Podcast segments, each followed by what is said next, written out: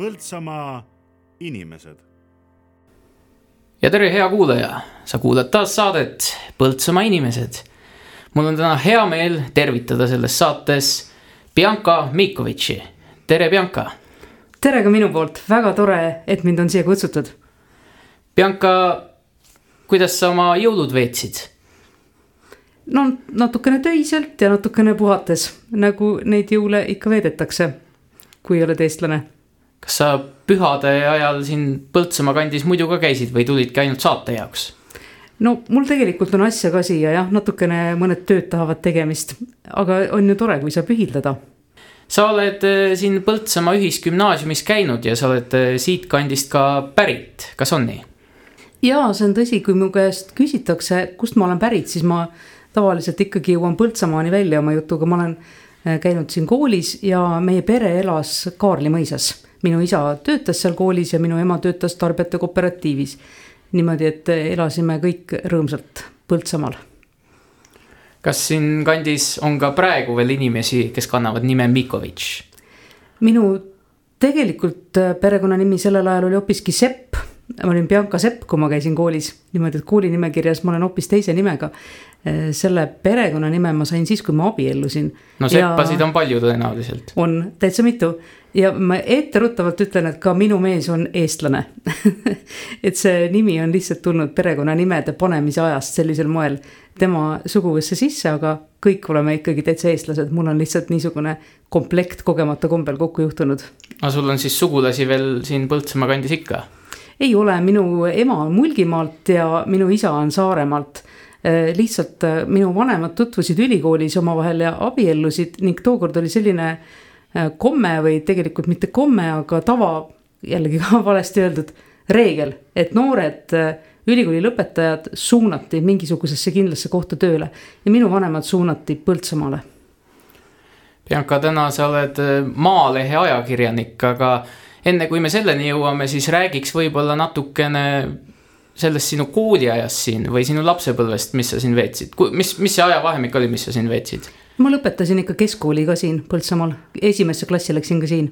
ahah, ja millise pilguga sa seda kooliaega siin meenutad, kas heldimusega või, või pigem vastupidi? ütleme nii, et lasteaed oli jah toredam minu meelest. lasteaed oli toredam ja, ja ma, ma olen kuulnud, et Äh, vahel on inimestel lasteaiad olnud isegi nii toredad kohad, et nad siiamaani korraldavad rühmade kokkutulekuid. mul päris rühma kokkutulekuid ei ole, aga, aga lasteaed oli väga meeldiv ja ütleme, koolis mul ei läinud nii väga hästi, ma arvan, praegu mind oleks võib-olla äh, koolipsühholoogi juurde saadetud, kui ma oleks praegusel ajal kooliõpilane. kuidagi me ei, me, me nagu kuidagi ei suhestunud kooliga kui institutsiooniga nii väga hästi, meil ei olnud sellist väga head üksteise mõistmist. ahah, nii et eh, selline kahepoolne konflikt oli jah? no oli vist jah kahepoolne, kuigi ma tahaks öelda, et rohkem koolipoolne, aga pigem ikka kahepoolne. aga mida kool ütleks? Kes see seda enam teab, eks kool on ka praeguseks ajaks ju palju muutunud, et tookord eh, me õppisime ju hoopis teistmoodi, kõik olime ühtemoodi riides, õppisime ühte asja ja pidime ühtemoodi mõtlema. et eh, seal ikka mõndadel teistelgi oli veel keeruline toime tulla, mitte ainult minul kas tegid siis omal ajal koerustükke ka või? ma ei tea, kas see on päris koerustükk, aga mulle on räägitud, et sa olid omal ajal päris kõva vaidleja. No võib-olla selles see protest väljenduski, et ei tahtnud päris kõigega nõus olla. aga ma, ei, ma mõtlen siiamaani vahel, et miks ma üldse mõnda asja niimoodi pidin tegema.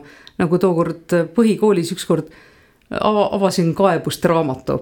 kaebuste raamatu? jah, nii, meil oli omavahel nii palju kurta mina mõtlesin, et avan kaebuste raamatu, kõik saavad ära kurta, noh, pärast esitan direktorile, siis ta saab midagi muuta paremaks koolis, aga sellest eh, muidugi mingit muutust paremuse poole ei tulnud, kui mu ema lihtsalt laiutas jälle kodus käsi, küsis, et miks sa pead tegema mingisuguseid selliseid asju.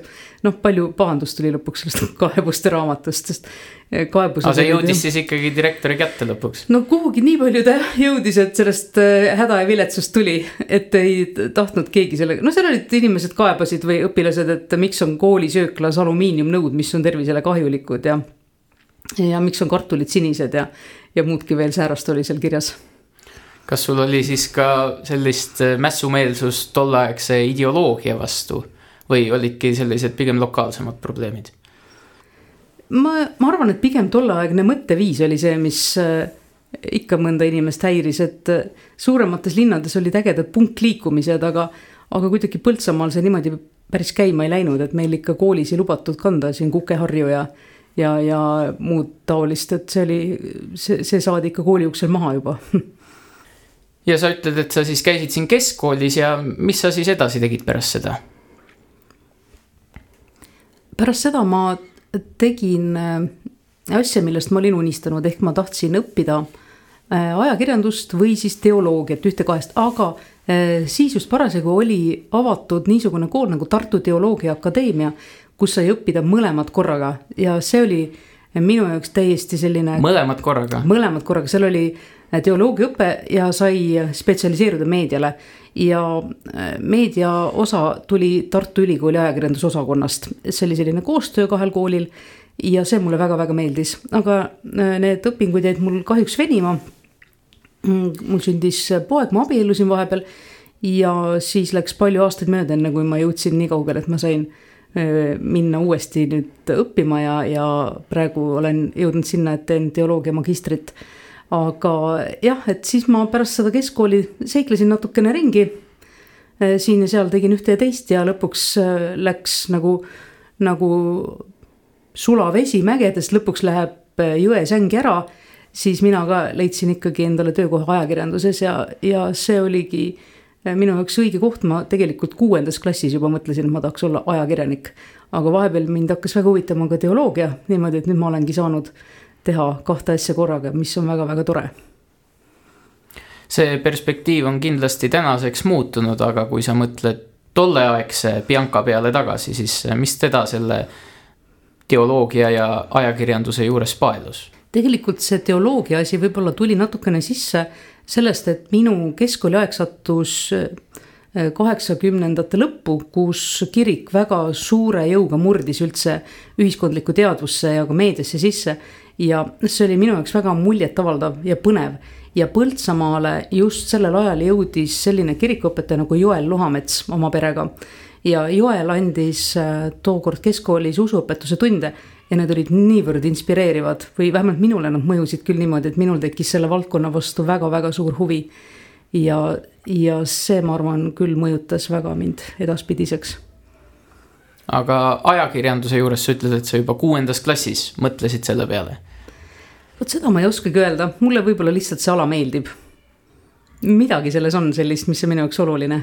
Seal on vaata iga asi ju, mis me teeme või eluvaldkond, et ta vajab teatud isiksuse omadusi äh,, mingisugust huvi, võib-olla mm, teatud sellist tundlikku sotsiaalset närvi äh, julgust esitada küsimusi, tahtmist seda kõike vahendada, teatud stressitaluvus peab seal olema et kui meil on need asjad koos ja võib-olla mõnda omadust saab veel arendadagi. et siis, siis sa nagu kaldudki teatud ametikoha poole.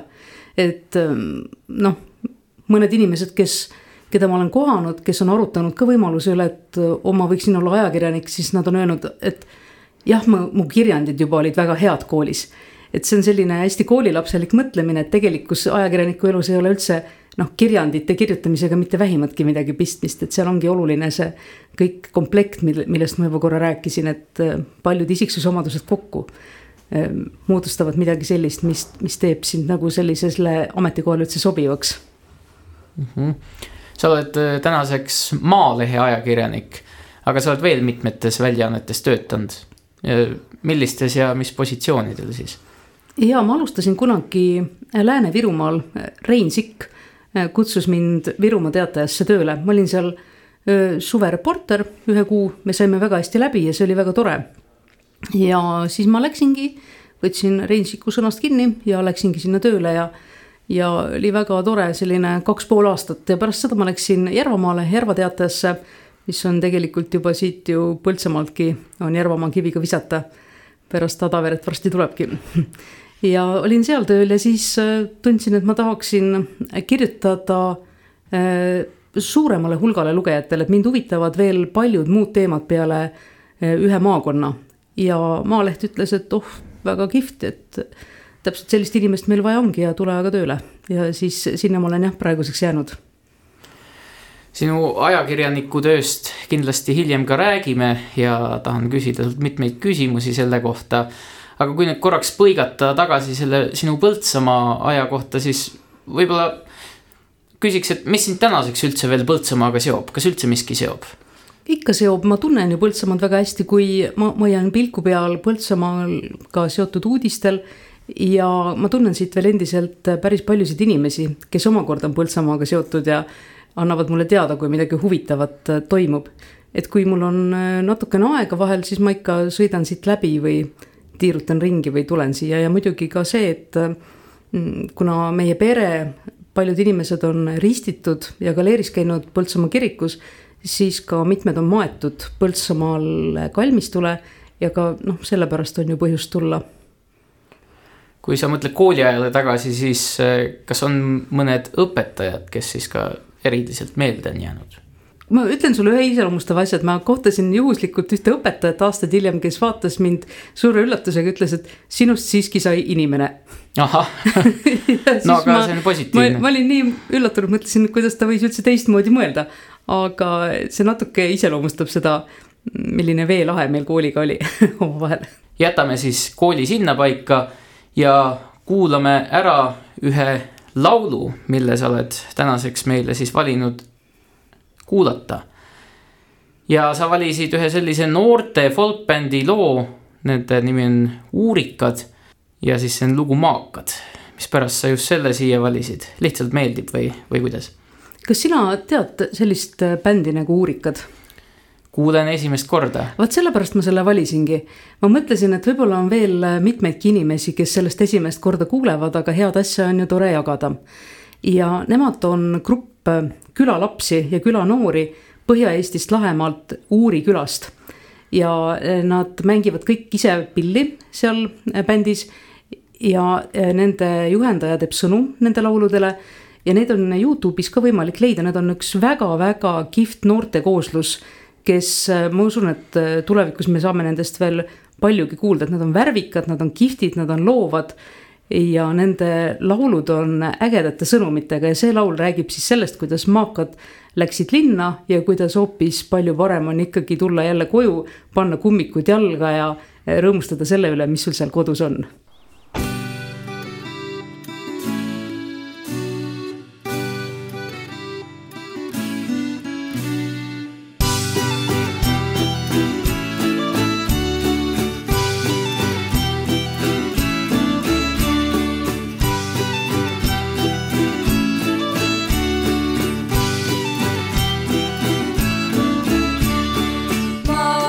läksid linna vaatama, mis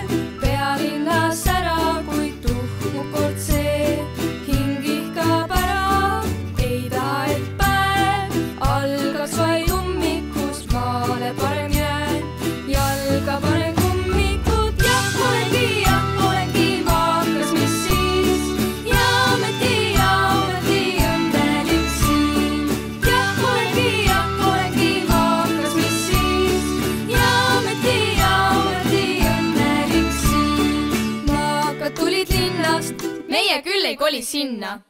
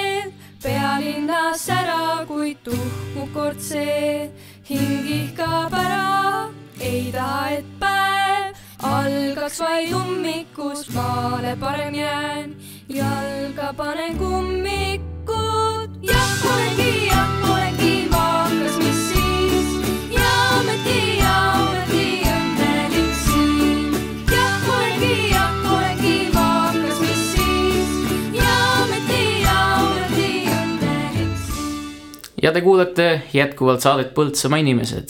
mina olen Samu Laksa Maikalu ja mina vestlen siin täna Bianca Mikovitšiga. Bianca, sinu töö Maalehes seisneb tihtipeale selles, et sa käid mööda Eestit ringi, kuulad erinevate inimeste muresid, räägid nendega no näiteks mul tuleb meelde praegu selline lugu, millele meie õiguskantsler Ülle Madise, no ma ei tea, kas praegu tema nime tohib öelda, aga, aga igatahes ta juhtis tähelepanu sellele, kuidas sa olid ühtede inimeste ametniku poolt saadetud kirja siis üles leidnud. ja need inimesed kaebasid, et sellest kirjast ei saa kohe mitte midagi aru. kas sa mäletad seda? muidugi mäletan. No see konkreetne juhtum oli üsna niisugune juhuslik, et äh, ma olin nende selle maaperega puutunud kokku varem mm, ühel teisel põhjusel ja siis, kuna nad äh, tahtsid kellegagi rääkida, kes on äh, harjunud rohkem dokumente lugema kui nad ise, siis nad helistasid mulle, et kuule, meil on siin üks, me saime vallavalitsusest kirja oma taotluse kohta, nad palusid toetust, et oma vanasse majja äh, rajada uus tualettruum. muidu neil oli kase all üks selline putka ainult. Aga eh, seal olid, tegemist oli eakate inimestega ja nende, nende seal kase all käimine oli järjest keerukam. ja nad küsisid vallast, kas nad saaksid raha, mida vald jagas. ja nad said niisuguse kirja, et ma mõtlesin ka, et kuidas on võimalik, et seal peaks olema ju kirjas, kas te saate toetust või te ei saa toetust. aga kui ma läksin seda lugema, siis tõesti selgus, et seal oli väga palju väljavõtteid ja viiteid paragrahvidele, millel ei olnud selle asjaga üldse mitte mingisugust seost ja ei saanudki lõpuks aru, kas need inimesed said toetuse või mitte ja me saatsime oma toimetuse poolt Eesti Keele Instituuti äh, selle kirja edasi, kuna me üldse käsitlesime selles artiklis erinevat kantseliiti ja küsisime eesti keele tead-, teadlas-, teadlaste käest, et kuidas teile tundub, mis see vastus on. ja nemad ütlesid, et nad ei saa aru, kas see on jah või ei, aga kuna seda nii pikalt ja segaselt seletatud, siis ilmselt on vastus negatiivne. Ja siis me pöördusime õiguskantsleri poole, kes sattus väga sügavalt hämmastusse, et üldse keegi selliseid kirju saadab eh, lihtsatele inimestele, kellel ei ole tegelikult kogemust juriidilise keelega. Ja jah, vastus oli lõpuks tõesti selgus, et järelpärimiste käigus selgus, et vastus on ei. aga kui me lehes sellest kirjutasime, siis vallavalitsus mõtles kohe ümber ja ütles, et vastus on tegelikult ikkagi jah ja need inimesed saavad küll oma tualettruumi ja tänaseks ongi see tõesti neil olemas ja nad on selle üle väga rõõmsad, et et selliseid asju tegelikult ajakirjaniku töös tuleb äh, päris palju ette, et kui me hakkame huvi tundma äh, mingisuguse probleemi, olukorra või juhtumi kohta, et siis väga sageli äh, need lahenevad ära äh, või hakkavad liikuma asjad enne, nii et meil ei olegi põhjust lõpuks neist isegi kirjutada. et vahel äh, piisab sellest, et ajakirjanik helistab, kui üks asi hakkabki juba käima minema, millest tundus, et sellest ei saa mitte midagi. et need on päris toredad, päris toredad juhtumid, aga nendest muidugi jälle noh, keegi ei tea midagi. aga mul oli üks selline, üks selline kohtumine, kus äh, ma käisin ka ühel, ühes väikeses kohas ja seal oli nii äh, inimesed olid nii tülli läinud omavahel ja seal oli nii palju probleeme ja üks oli teisele teinud meelehärmi ja teine oli siis midagi vastu teinud. ja igavene segadus oli ja ma tegelesin tükk aega selle looga ja lõpuks mm, helistasin kõik läbi ja siis need inimesed nõustusid, et jah, me peame kuidagi teistmoodi oma tegevust organiseerima. ja ma ei kirjutanud sellest lugu ja ma kohtusin äh, paar aastat hiljem ühe, ühe mehega, kes oli seotud ka kogu selle asjaga ja ta ütles, jah, ma tean sind. et sina olid see ajakirjanik, kes ei kirjutanud seda kohutavat lugu meist. et me ootasime ja ootasime mitu kuud, et millal ilmub see lugu, kus meid kõiki põrmustatakse ja me ei saa häbi pärast enam kunagi käia sirge seljaga ringi, aga seda ei il- ilmunudki. et sa oled väga tuntud meie, me, meie kohalike hulgas selle tõttu. ja, ja see jällegi rõõmustas mind väga, et äh, vahel ajakirjanduslik otsus on ka see, et sa jätad midagi üldse kajastamata. ja ka sellel on mõju ja isegi täitsa suur. nii et ikkagi neljas võim. kindlasti. kas sa tunnetad ka seda võimu siis enda sees? On see suur vastutus sinu õlgadel? no vastutus on kindlasti, ega kui midagi läheb teinekord ka valesti, siis on ikka tükk aega nõutu ja kurb ja mõtled, et kuidas see nüüd sai niimoodi juhtuda, et vahel, vahel noh, ise kõige rohkem kahju ongi, kui mõne lihtsa inimesega midagi juhtub, et nimi läheb seal valesti või eksid mingis olulises faktis, ma ei tea, kiirustades või kuidagi teed mingi räpaka vea, et siis on ikka väga-väga kahju, sest ükski kui ilmub üks suur artikkel ja järgmises lehes pisike vabandus, siis seda ju ei märka keegi ja ja need paberlehed, noh, et see, see võib väga kergelt juhtuda, et ükskord tehtud viga juba paljuneb ise edasi. noh, aga kuidas siis sellises olukorras, kui sul seda vabandust ei märka keegi, täpselt nagu sa ütlesid, et kas siis on üldse kuidagi võimalik oma tehtud viga tagasi võtta või? Või ei siis... ole näiteks eh, sellel suvel oli, eh, valiti Eesti aastaküla Äh, ja ma kirjutasin järjest äh, ka sellest protsessist lugusid, sest need külad on väga-väga toredad kõik. ja äh, suutsin kirjutada valesti kõige esimese küla nime, kus komisjon kohal käis, see on Põlvamaa, Võrumaal Leevaku küla, aga mina kirjutasin Keedika, mis asub hoopis Läänemaal. Keegi ei märganud seda viga, kuidas ma selle tegin, siiamaani ma ei oska öelda Äh, kohalikud inimesed muidugi vajasid Baldereni, kui nad lehe avasid. leidsid, et üksainuke kord ajaloos, kus neist kirjutatakse, siis ka vale nimega. ja pärast noh, ma kirjutasin nendest uuesti ja uuesti ja uuesti juba õige nimega, aga, aga iga kord, kui ma nende peale mõtlen, siis ma tean, et, et kõige rohkem, mis neile meelde tuleb sellest aastaküla protsessis osalemisest, on see, et ja siis ajakirjanik, kes sõi, jõi, käis siin pool päeva ringi, kirjutas meie nime valesti ja ei olegi, jah, veebis muidugi parandasime kohe ära, aga, aga see, et see juhtus ja kui suurt kogukonda see puudutas ja noh, ega midagi ei ole teha. E, nii see, nii see läks. mõnikord läheb niimoodi kogemata, aga kas ka teinekord tehakse väga pahatahtlikult või, või silma kinni pigistades tehakse kellelegi kurja või ülekohut? Ma tahaksin öelda, et ei tehta, aga ma ei saa, eks äh, need protsessid, kuidas mingisugused konfliktlood jõuavad lehtedesse, need on erinevad ja need on huvitavad ja kui palju õnnestub asju, fakte kontrollida, kuidas vahel ikkagi selgub, et ajakirjanik on kellegi teise poolt kellegi vastu mängitud, ilma et ta isegi oleks aru saanud, et ta on vahend sellel hetkel, et. et see on muidugi kurvastav ja välismaa suurtes lehtedes on väga tihedad filtrid ja erinevad äh, faktikontrollid ja toimetajate poolsed kontrollid selliste asjade vältimiseks, aga meie peame suuresti ikkagi lootma sellele, et ajakirjanikud ise on hästi eetilised ja ja, ja hoiduvad sellistest vigadest. no ja kui, aga kui su toimetaja on samal meelel, mis sina, siis tema näebki Toimet... olukorda niimoodi ja.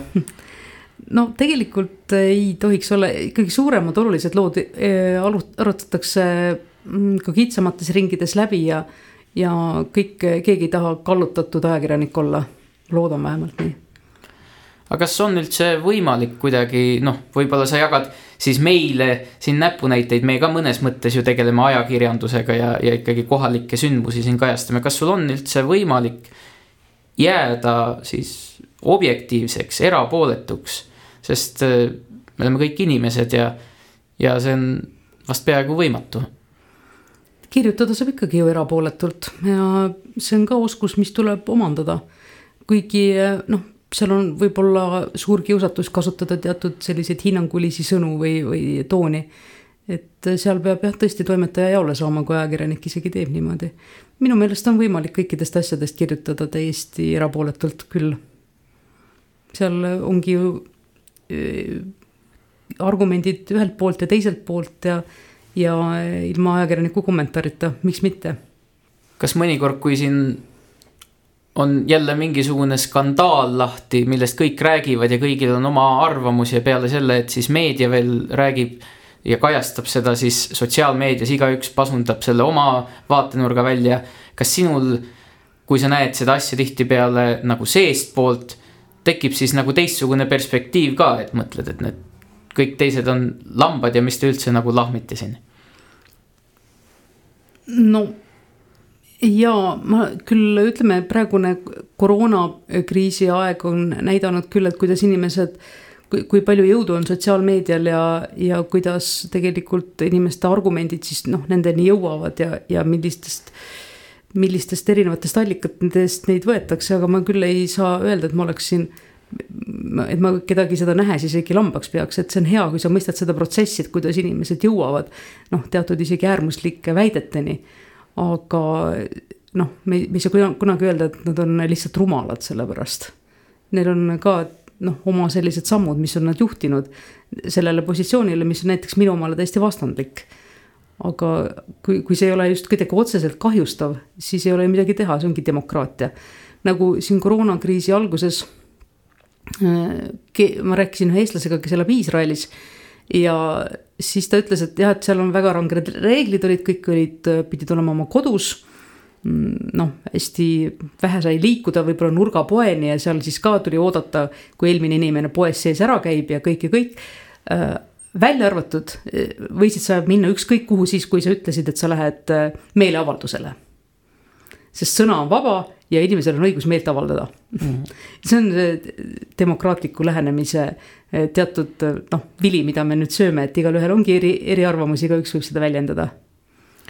demokraatias on eriarvamused, aga päris palju on ka väljendatud sellist seisukohta, et teatud arvamusi ja seisukohti ei tohikski kajastada, et nad lihtsalt ei leviks. kuidas sina suhtud sellisesse väitesse mm,? tõsi, pakuti mulle tänagi lugu ühe naisega, eh, kes äh, ütles, et kogu see Covid on seotud ufode peatse invasiooniga, mis vist pidi kätte jõudma äkki veebruaris. ja siis sellele järgneb täiesti selline äh, laastav olukord kogu maailmas. mina näiteks mõtlen, et võib-olla ei peaks sellele tribüüni andma, kuidas sulle tundub või sa tahaks just lugeda sellist lugu? eks see oleks ju väike klikimagnet kindlasti. no aga peale selle. aga ma ei tea, kas keegi seda tõsiselt ka võtaks ma ka ei tea. sa arvad, sa arvad, et leiduks neid inimesi, kes seda tõsiselt võtaks? no vaevalt see naine üksi sellel arvamusel on. aga sa oled valinud veel ühe loo, mida me saame siin täna ka üheskoos jälle kuulata ning eh, selline ansambel nagu Esivanemate Kaja ja sa oled valinud loo Ei tüdi õllest viinast. kas sa Esivanemate Kaja nimelist bändi tead? esimest korda kuulen. väga hea, siis läks jällegi õnneks ma kirjutasin üht lugu, kui Artur Rinne sünnist möödus sada kümme aastat. ja siis selle käigus tuli välja, et Eestis tegutseb nüüd juba uus Artur Rinne, kellel ongi selline nimi, kes on üks noor mees ja teeb bändi. ja ta teeb vanadest lauludest või vanadest regivärssidest teeb selliseid toredaid rokkseadeid. ja see laul on ka nüüd tehtud ühest vanast regivärsist, mida on lauldud ka siin piirkonnas laiuselt on näiteks kirjutatud üles need read. ja see räägib tegelikult sellises natuke iroonilises võtmes sellest, et kui, kui üks inimene midagi tahab väga-väga-väga, siis ei lõppe see tahtmine enne, kui ta juba on ükskord kirstus ja mahagi maetud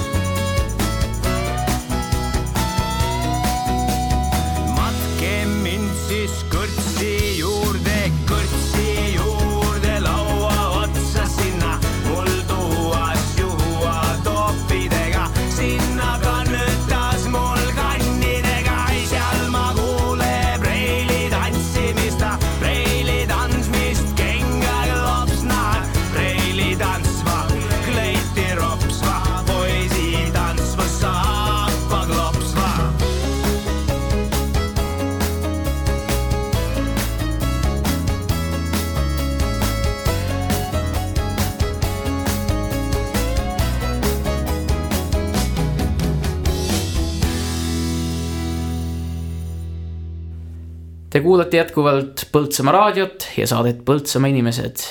minuga koos on siin Bianca Mikovitš. Bianca, sa käid mööda Eestit ringi igal pool, mitmetes kohtades. kas on siis see maaelu nii kole, nagu räägitakse? kuidas sina seda asja omalt poolt näed, kui sa sõidad mööda Eestimaad ringi ja näed neid vanu hooneid, mis on hüljatud ja no sinna ei ole midagi parata, et äh, tuleviku arvutused näitavad, et meie linnad jäävad tühjemaks ja meie maapiirkonnad jäävad tühjemaks, see on lihtsalt puhas äh, demograafiline arvutus. ja isegi kui me ei taha seda endale tunnistada, siis äh, nii see minemas on praeguse seisuga. maaelu kindlasti ei ole kole, see on suurepärane, et viimane aeg on ka inimesi rohkem jälle maale tagasi suunanud ja hirmus hea on ka see, et riik on leidnud erinevaid toetusi ja ka laenukäendusvõimalusi, kuidas seda inimeste maale minekut toetada. kuid seda ma küll arvan jah, et osad selline kuldaeg enam kunagi tagasi ei tule, nagu inimesed siin meenutavad, et suured Simmanide peod ja kõik, mis on kunagi olnud, et ilmselt elu muutub ja me peame sellega leppima. ja noh, ka paratamatu on see, et innovatsioon teeb oma, ei ole ju vaja enam suuri suuri selliseid inimmasse, mingisugust, ma ei tea, kasvõi viljapõldu lõikama, kui tuleb üks kombain ja teeb selle ära. ja võib-olla seda kombainigi saab edaspidi juhtida juba tehisintellekt. et äh, sellega me peame lihtsalt leppima, aga meil on hästi tore, on see meie maa, kus me elame oma maaelu ja muidugi mulle väga-väga. sa elad ise ka maal? mul on Türi lähedal äh, Paksu metsaservas üks äh, maamaja jah. seal on, olen ma näinud nii ilvese kui karu kui hundi käpajälgi ümbruses. et äh, täitsa tore metsik koht sa ei ela aastaringselt seal selles mõttes? ei saa kahjuks elada jah, sellepärast et isegi kui töötad Maalehes, siis äh, niivõrd palju asju toimub Tallinnas, mis on meie maaeluga nii otseselt seotud, et et äh, tuleb ikkagi olla praegu seal kohapeal, aga ma loodan, et ühel päeval jah, see ikkagi minuga juhtub ja ma saan ma saan kuhugi maale päriselt elama kolida. süda ja kõik muud asjad on ikka maal. nagu ma arvan väga,, väga-väga paljudel eestlastel. aga ma küsin sinu käest vastu, et kas Põltsamaal elamine on rohkem maa või linnaelu? ma hiljuti mõtlesin, et see on ikkagi täitsa linnaelu ja mulle jõudis see ühel hetkel kohale siis, kui ma sain aru, et Põltsamaal on ikkagi päris palju inimesi, keda ma ei tea ja kellest ma ei tea mitte midagi, et kes kellega koos elab ja kes kellega käib ja, ja nii edasi nii et mulle tundub, et see on ikkagi, ikkagi puhta linnaelu ja Tartu on minu arvates juba päris suur linn tegelikult. jah, mulle endale tundub äh, Põltsamaa võib-olla selline rohkem nagu siis maalähedane linn ikkagi. ma, ma arvan, ma oletan, et sa näiteks tunned oma naabreid. naabreid ikka. ja mina elan Viimsis, mina oma naabreid ei tunne. seda kindlasti, aga kui sa käid teistes väikelinnades ka üle Eesti, mitte ainult siis maakohtades kas siis need väikelinnad on depressiivsed? no kas Põltsamaa on depressiivne, ei ole tegelikult ju no Põltsamaa ei ole, aga kas teised on? ei ole need teised ka, tegelikult kõik linnad, alevikud, külad on ikkagi enda eest väljas ja, ja annavad endale üsna hästi aru igal pool inimesed, et kui me tahame, et siin jätkuks elu, siis me peame ikkagi panema ise käed külge, et midagi juhtuks ja tegelikult äh, on läinud meie riik jõukamaks, inimesed on läinud jõukamaks ja inimestel on rohkem sellist tahet ja soovi, et parandada asju enda ümber. ja vahel need algavad üsna sellistest väikestest asjadest, kus näiteks ma tean ühte sellist küla, Lüübnitsa küla, kuhu äh, kolis keegi inimene, kes ütles, et nii, et mis mul siin on, mingi vana sara, hakkas koristama, siis koristas juba natukene tänavat, siis tema naabrid vaatasid, et me võiks ka natukene koristada, siis nende naabrid vaatasid, et tõesti, me võiks oma viltusaia püsti lükata. Ja see läks ja läks ja läks ja ja sellest algas, noh, nemad on ka üks aasta küla võitjatest nüüd täna juba, et aga see oli üks tavaline selline küla, kuni keegi tuli ja hakkas midagi koristama. ja, ja niimoodi need asjad lähevadki, et kui keegi midagi teeb, siis teised tulevad kaasa, et vahel on vaja väga väikest lüket et sellist äravajuvast asjast saaks õitsev asi. ja ma näen seda tahtmist tegelikult meil Eesti inimestel ikkagi on. et nad tahavad teha oma kodukohti paremaks, ilusamaks ja, ja, ja siis tahavad lapsed sinna tagasi tulla, ise seal edasi elada. aga ikkagi see on paratamatu, et meid jääb vähemaks. ja me ei, me ei jaksa nii palju igal pool neid tühje maju enam täita nagu varem nii et Põltsamaa inimene kuulub ikkagi sinu hinnangul siis maainimeste kategooriasse ja küsikski siis niimoodi, et kuidas maainimene erineb siis sellest päris linnainimesest? oled sa seal ka midagi täheldanud, mingeid eris, erin-, erinevusi? maainimene, ükskõik kas ta elab Põltsamaal või Kihnu saarel, tahab tegelikult päris palju selliseid mugavusi, nagu on linnainimesel, et võib-olla me ei erine ka nii väga. sellepärast, et sa tahad ikkagi ju kiiret internetti, sa tahad head tele, televiisori pilti Äh, sa tahad raamatukogust raamatuid laenutada, sa tahad, et seal oleks hea valik ja ühte ja teist veelgi sellist. et meil see, kus me tahame, et meil oleks samad mugavused, on ikkagi läinud suuremaks, me ei lepi sellega, et see ei ole enam põhjus, et. et miks, miks minul ei ole kiiret internetti, sest sina elad maal, no ja mis siis.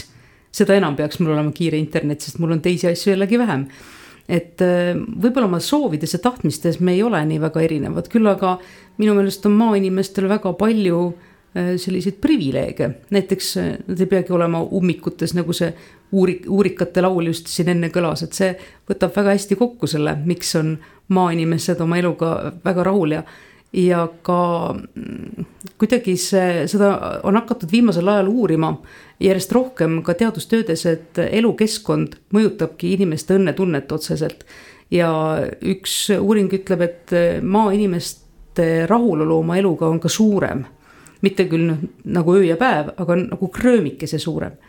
ja võib-olla selles ongi oma osa see, et kui noh, lähed välja majast, siis sa kuuled linnulaulu, on ju, esimesena, mitte möödasõitvat autot.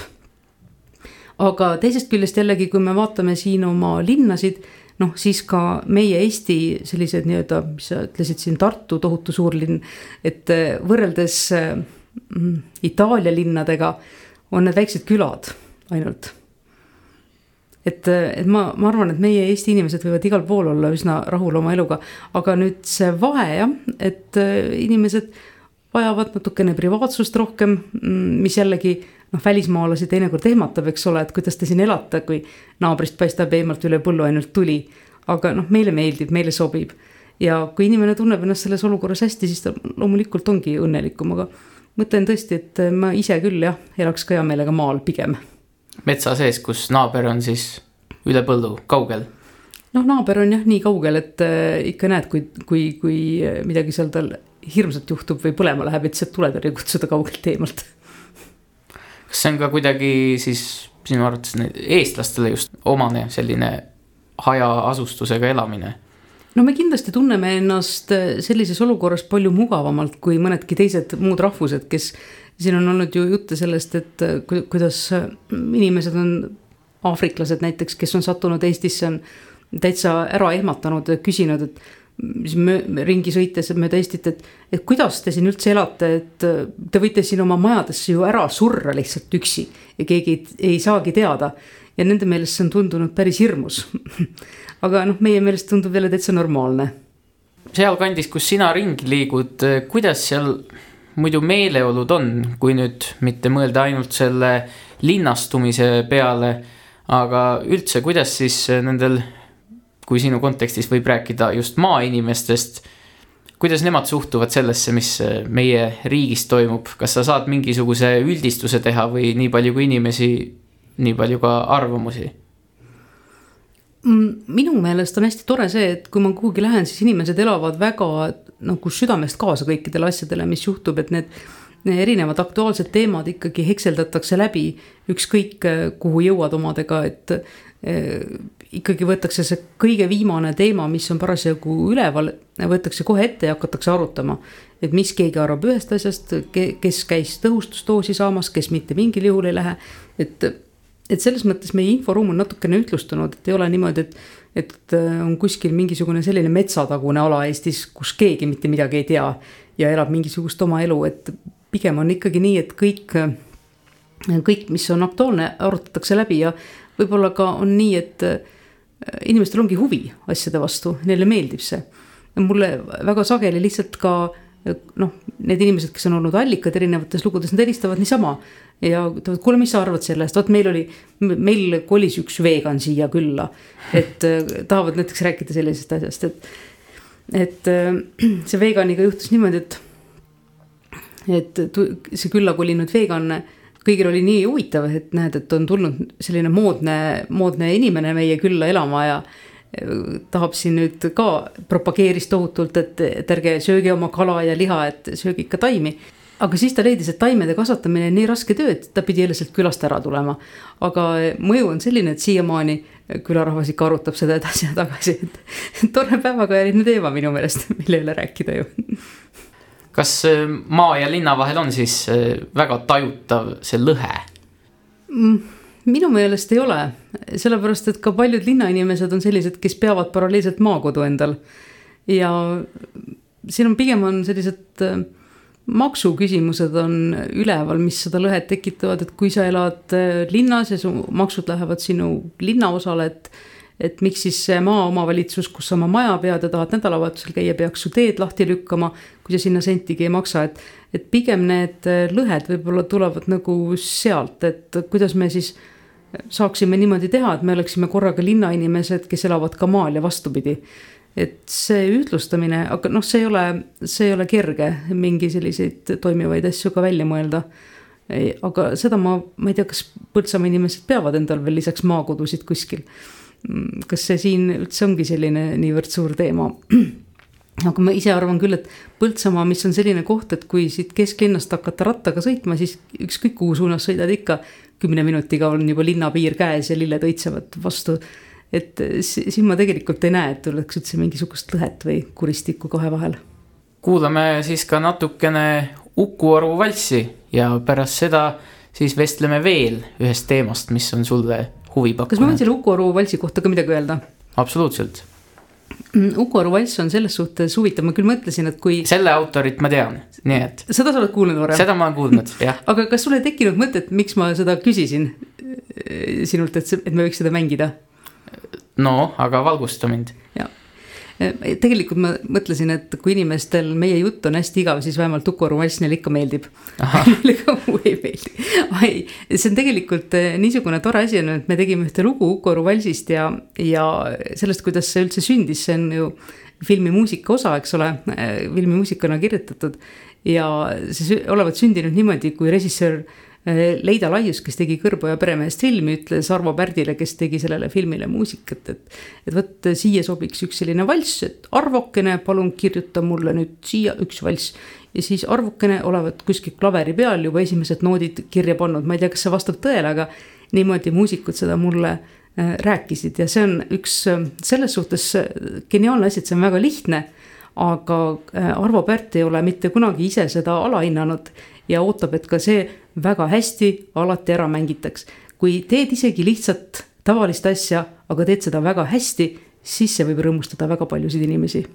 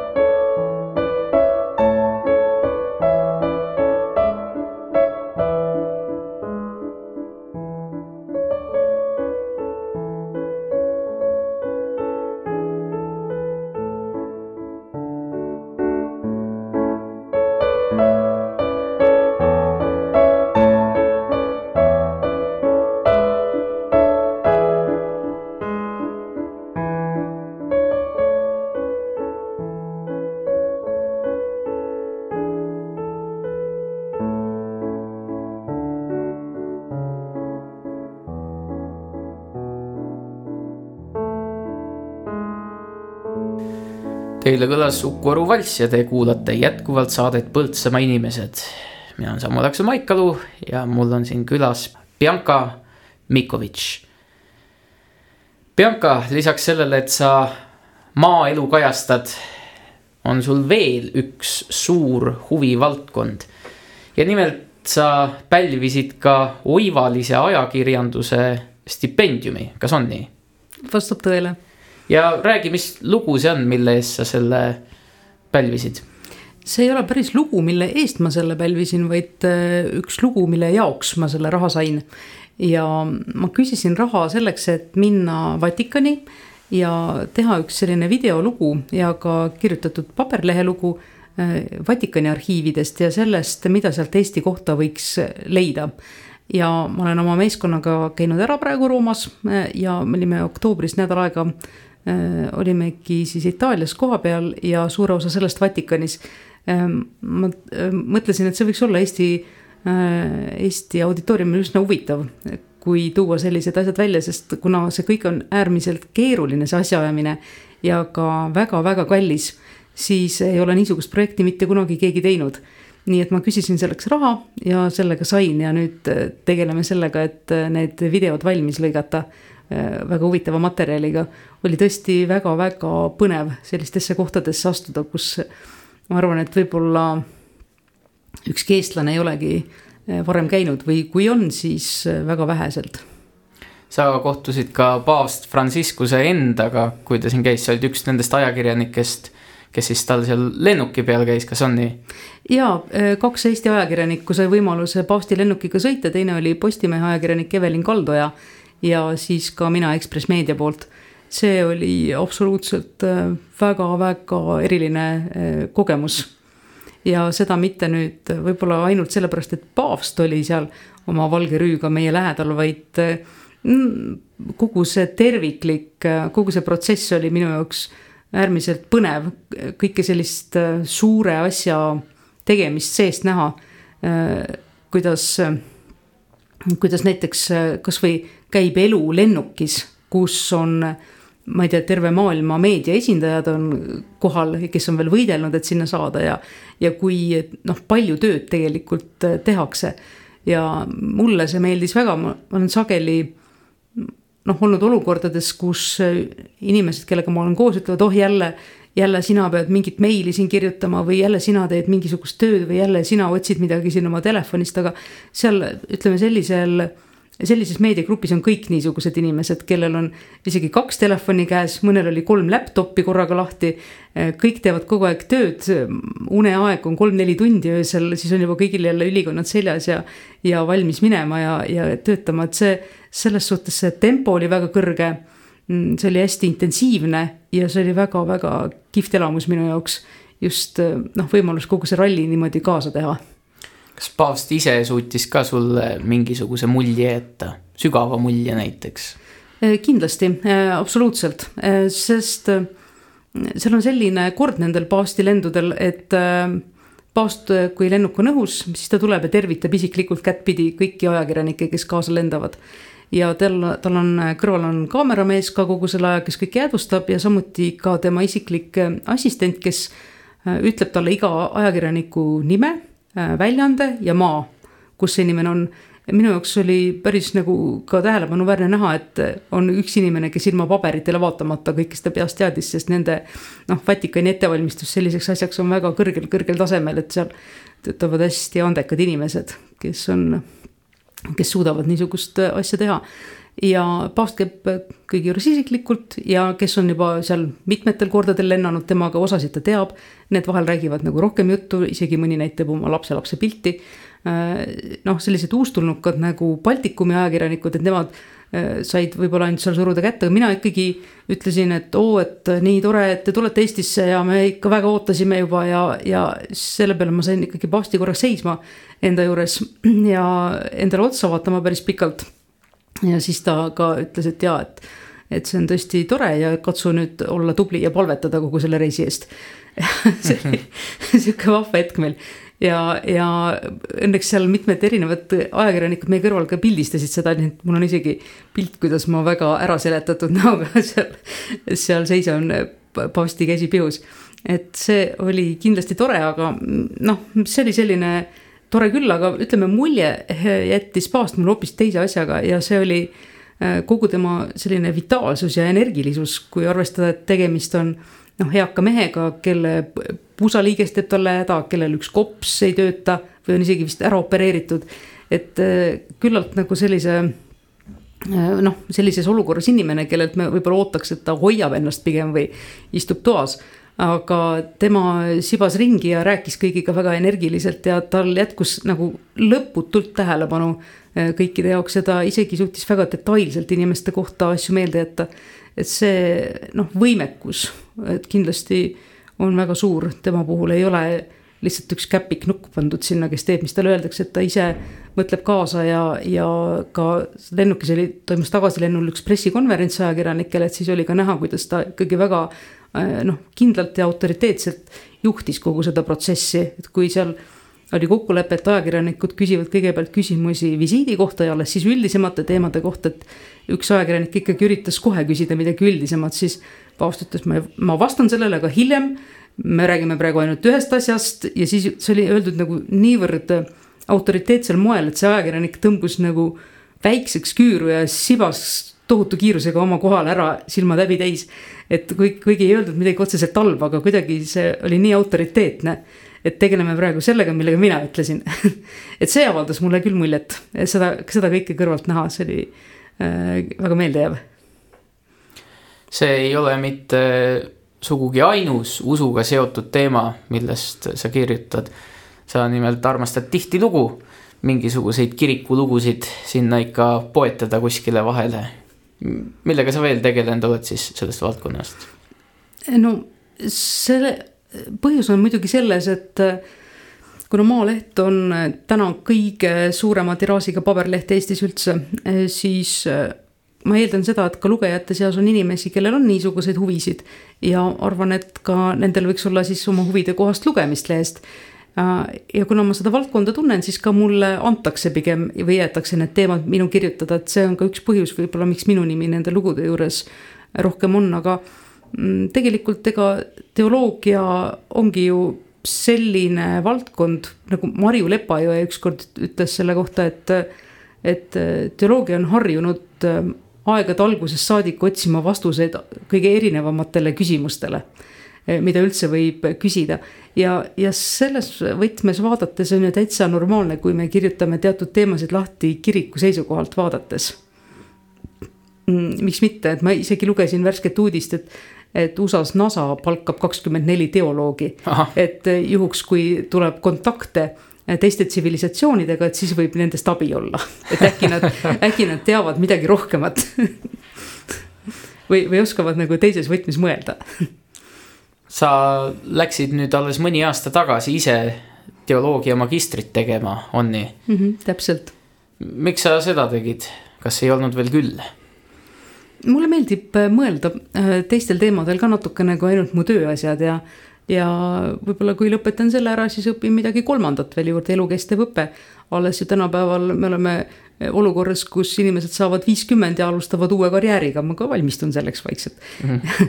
ma olen palju lugusid kirjutanud naistest, kes äh, viiekümnendates või viiekümne aastaselt äh, Nend-, kas, kas need koondati või nende töökoht lõppes, siis nad mõtlesid, et nüüd on mu elu läbi, aga tuli välja, et hoopiski elu alles algas, kes on loonud endale uue karjääri, kes uue töökoha. ja selles suhtes ma mõtlen, et maksab kindlasti hoida ju aju tööl ja ja õppida juurde kõige erinevamaid asju, miks mitte. kas teoloogia õppimine aitab ka enda seda kogu olemist või elu lahti mõtestada paremini? Või seal on kõik vastused olemas, seal on asi selge? ma ei oska sulle öelda, kas üldse millegi õppimine aitab, nagu eks sa ikka pead ise iseendaga tööd tegema ja natukene nuputama siit ja sealt, et kes sa oled ja mis sa tahad elus, et kõik tasakaalus oleks nagu inimesed ju mõtlevad seda ka, et kas äh, psühholoogia õppimine äkki aitab iseendast paremini aru saada, et ma ei tea, kui hästi neil sellega on läinud. mida usk sinu jaoks tähendab? Noh, nüüd jätsid kõige hullemad pommid, jätsid saate lõppu siis jah, et, et mida üldse küsida. Äh, mida usk tähendab minu jaoks, see on üks selline olemise viis, ma arvan, üks võimalus maailma näha. see on üks selline asi, kus ma, kui, kui ma panen asjad mitte ainult oma selle elu perspektiivi, vaid igavikulisse perspektiivi, siis ma enda, enda jaoks näen palju suuremat pilti ja oskan ka panna asju teistsugusesse järjekorda, kui ma neid muidu võib-olla järjestaks. saade hakkab tõepoolest lõpule jõudma kas sa tahad siia lõppu öelda midagi sellist, mis võiks kõlama jääda inimestele?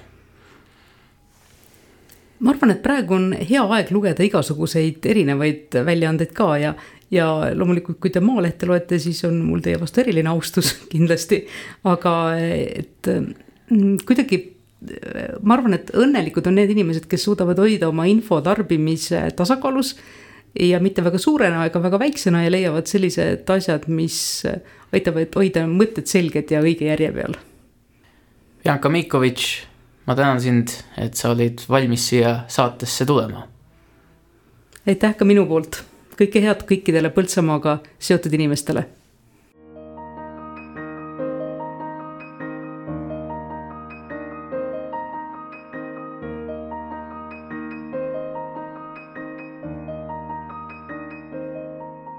Põltsamaa inimesed